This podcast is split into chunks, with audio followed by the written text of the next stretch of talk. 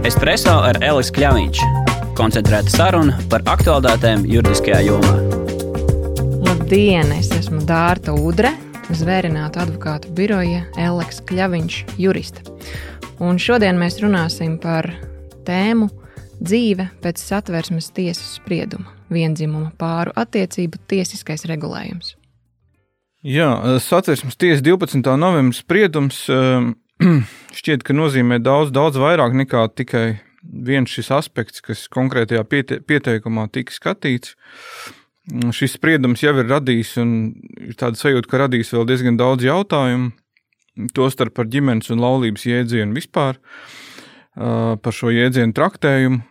Un, faktiski, kā mēs jau esam dzirdējuši, šis spriedums liek saimai rīkoties, liek pielāgot likumus, nevis vienu, bet vairākus, pielāgot atbilstoši šim spriedumam, šim, šim jaunajam traktējumam. Šeit konkrēti mēs runājam par darba tiesiskajām attiecībām, bet, bet, bet droši vien, ka šis uh, process vēl, vēl, vēl turpināsies un darba likuma grozījumi varētu būt tikai tā sākums. Jā, un par šiem jautājumiem mēs šodien parunāsim mazliet plašāk. Uh, vispirms man ir lūgums, varbūt uh, jūs varat izskaidrot vispār to kontekstu, kāpēc līdz šādam spriedumam nonāca. Um, nu, Kāpēc? Tas droši vien būtu jājautā satversmes tiesai un, un, un, un, un to, kā viņi līdz tam nonāca savā apspriežu telpā, bet katrā ziņā šis ir pirmais signāls no valsts varas orgāna, pirmais vispār saistošais signāls, kas atzīst vienzimuma pāru veidotas ģimenes, nu, respektīvi, ka tās ir ģimenes, un ka šīm ģimenēm pienākas juridiska un sociāla ekonomiska aizsardzība no valsts puses. Vismaz, bet ne tikai, kā jau, kā jau minēju, šajā jautājumā par um, atvaļinājumu piešķiršanu pēc bērna piedzimšanas, kas saistās ar darba likuma normām. Uh, satversmes tiesā līdz šim ir bijuši vairāki pieteikumi par, uh, kas saistās ar vienzimumu pāru tiesībām reģistrēt laulību, Satversmes tiesa ir atteikusies eh, ierosināt lietas par šiem pieteikumiem un nav par to līdz šim izteikusies. Nu, šajā lietā Satversmes tiesa būtībā ir mm, nu, izveidojusi tādu zināmu apkārt ceļu un norādījusi, ka šīs ģimenes ir aizsargājamas, juridiskā ietvara mums valstī viņām nav, bet šajā aspektā ir regulējums nepieciešams. Kā, kādam šim juridiskajam ietvaram būtu jābūt? Kāds viņš teorētiski varētu būt? Te ir iespējami vairāki ceļi, un šo spriedumu var traktēt šauri, un to var arī traktēt plaši. Proti, šaurajā versijā to varētu attiecināt tikai uz šo darba likuma normu, un, un ieviest kādu regulējumu, kas ļautu arī citām personām, ne tikai bērna tēvam, saņemt šo desmit dienu garo atvaļinājumu. Savukārt, plašajā versijā tas droši vien būtu saistāms tostarp arī ar dzīvesbiedru kustību, ar kādu regulējumu ieviešanu, kas mums ļautu reģistrēt šāda veida attiecības. Tas um, kas varētu, um, nu, par ko varētu domāt, ir, nu jā, kuru regulējumu ieviest ir vieglāk, droši vien, ka vieglāk būtu ieviest to šauro versiju. Bet, ja mēs domājam par to, ka satversmes tiesa šajā spriedumā faktiski ir sniegusi ģimenes definīciju, un šis spriedums varētu attiekties arī uz citiem gadījumiem, tad, teiksim, normas piemērotājiem būtu vieglāk, ja mums valstī būtu, um, nu, iespēja reģistrēt šādas attiecības. Jo Pretējā gadījumā, kas var sanākt, mm, var sanākt tā, ka šajā darba likumā un citu nozaru likumos varētu tikt ietvertas normas, kurā ir vispārīgi minēta teiksim, ģimene. Mums ir ģenerāla klauzulas likumos, kuras ir normas piemērotājiem jāpiepilda katru reizi ar saturu. Ja, mums nav vienkārši noteikts, nu, laulātais var darīt tā vai, vai, vai kaut kā citādi, bet mums jau ir ģimene. Un, un, un tas varētu sarežģīt to krietni. Tāpēc patiesībā nu, jā, ieviest var gan šauri, gan plaši. Um, drīzāk es teiktu, ka efektīvāk būtu tiešām to darīt plaši. Okay, ja mēs runājam par to šauro, nu, salīdzinoši šauro jautājumu, kas ir darba likuma, nu, šī konkrēta apstrīdētā norma, ko tad viņi faktiski nozīmē? Kas ir mainījies pēc šī sprieduma? Vai kas mainīsies precīzāk? Jāsaka, Jā. jo acīm redzot, saimē jau vēl savs mm -hmm. darbs jāizdara. Jā, tieši tā. Saimē ir jāuz, jāizdara savs darbs. Uh, šis pieteikums ir interesants arī ar to, ka tas ir pieteikums par kaut ko, ko tiesību norma neparedz. Lielākajā daļā gadījumu satversmes tiesa skata lietas par to, ko norma paredz, ka tas nav labi, tas nav pareizi, tas nav atbilstoši satversmei. Šis ir pieteikums par normu tik tālu, cik tālu tā neparedz tiesības vienzimumu pāriem, ko satversmes tiesa arī ir atzinusi. Jā, ka šīs normas izpratnē atvaļinājums var tikt piešķirts tikai bērna tēvam, un mums civil likums izsmeļoši noteikts, kas tad ir bērna tēvs. Un tādējādi saimai ir jāievieš jauns regulējums. Tātad ne tikai jāgrož šī darba likuma norma, bet, bet, bet, bet jādara vēl kaut kas. Nu, faktiski, jā, tas, um, tas var tikt izpildīts vai nu tikai grozot darba likuma normu, vai ieviešot papildus regulējumu. Saimai šeit ir rīcības brīvība, kādā veidā saima izvēlēsies to darīt. Um, bet uh, jā, tā, tādā, tādā nu, veidā uz to, uz to var skatīties. Gatavojoties šīm pārmaiņām, kas acīm redzot notiks, jo satversmes tiesas spriedums ir saistošs un diez vai parlaments viņu varēs ignorēt, ko tad darba devējiem, tavuprāt, būtu jāņem vērā un, un kā viņi varētu gatavoties šai jaunajai situācijai? Darba devējiem faktiski ir jāgaida, kādu risinājumu izvēlēsies saima. Arī lietas izskatīšanas gaitā saimas pārstāvi norādīja, ka nu, darba devējs jau faktiski var ieviest labvēlīgākus nosacījumus savam darbiniekam, bet jāņem vērā, ka šis konkrētais atvaļinājums to apmaksā valsts. Tādēļ, kamēr mums nav šī regulējuma par šo konkrēto atvaļinājumu, darba devējiem faktiski ir sasietas rokas. Protams, var piešķirt atvaļinājumu, kārtējo vai, vai, vai, vai kā citādi nākt pretī.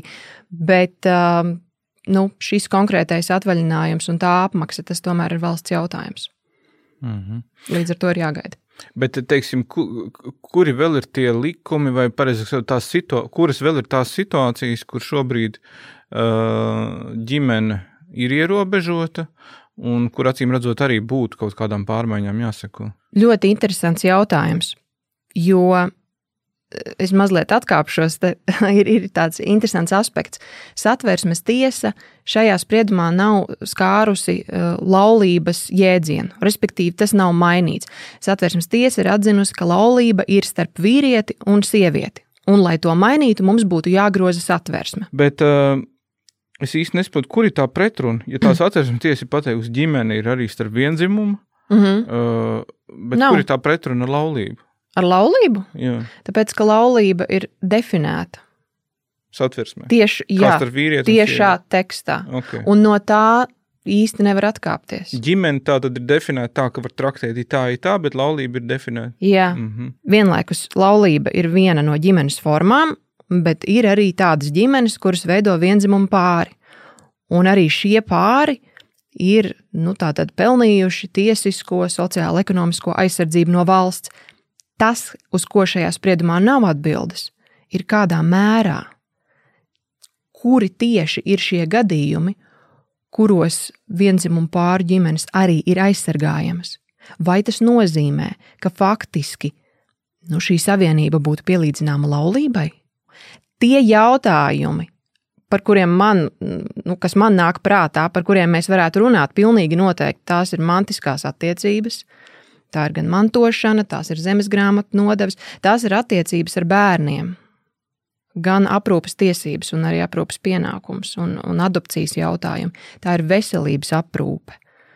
Tās varētu būt noteikti arī imigrācijas lietas. Tie ir nodokļi, teiksim, attaisnotie izdevumi ienākumu deklarācijā, jā, dažādi atvieglojumi, sociālā aprūpe.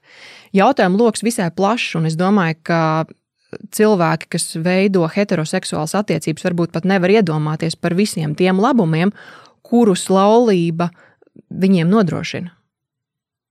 Ja, bet šis jautājums, ko, ko no tā visa groza tieši piešķirt vienzimuma pāriem tas saimē ir jāatrisina. Tavuprāt, tas, nu, tas ir ok, kad, kad ir, tagad mums sanāk, ir jāgroza satversme daļa šī, e, šī sprieduma, vai, vai mēs nevaram izdarīt jau secinājumus no, no tā, kas ir no šī sprieduma?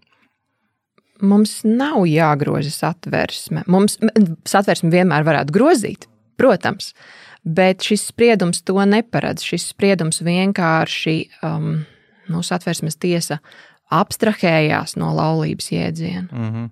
Iespējams, tas ir arī pārāk jūtīgs jautājums, bet satversmē patiešām laulība ir definēta.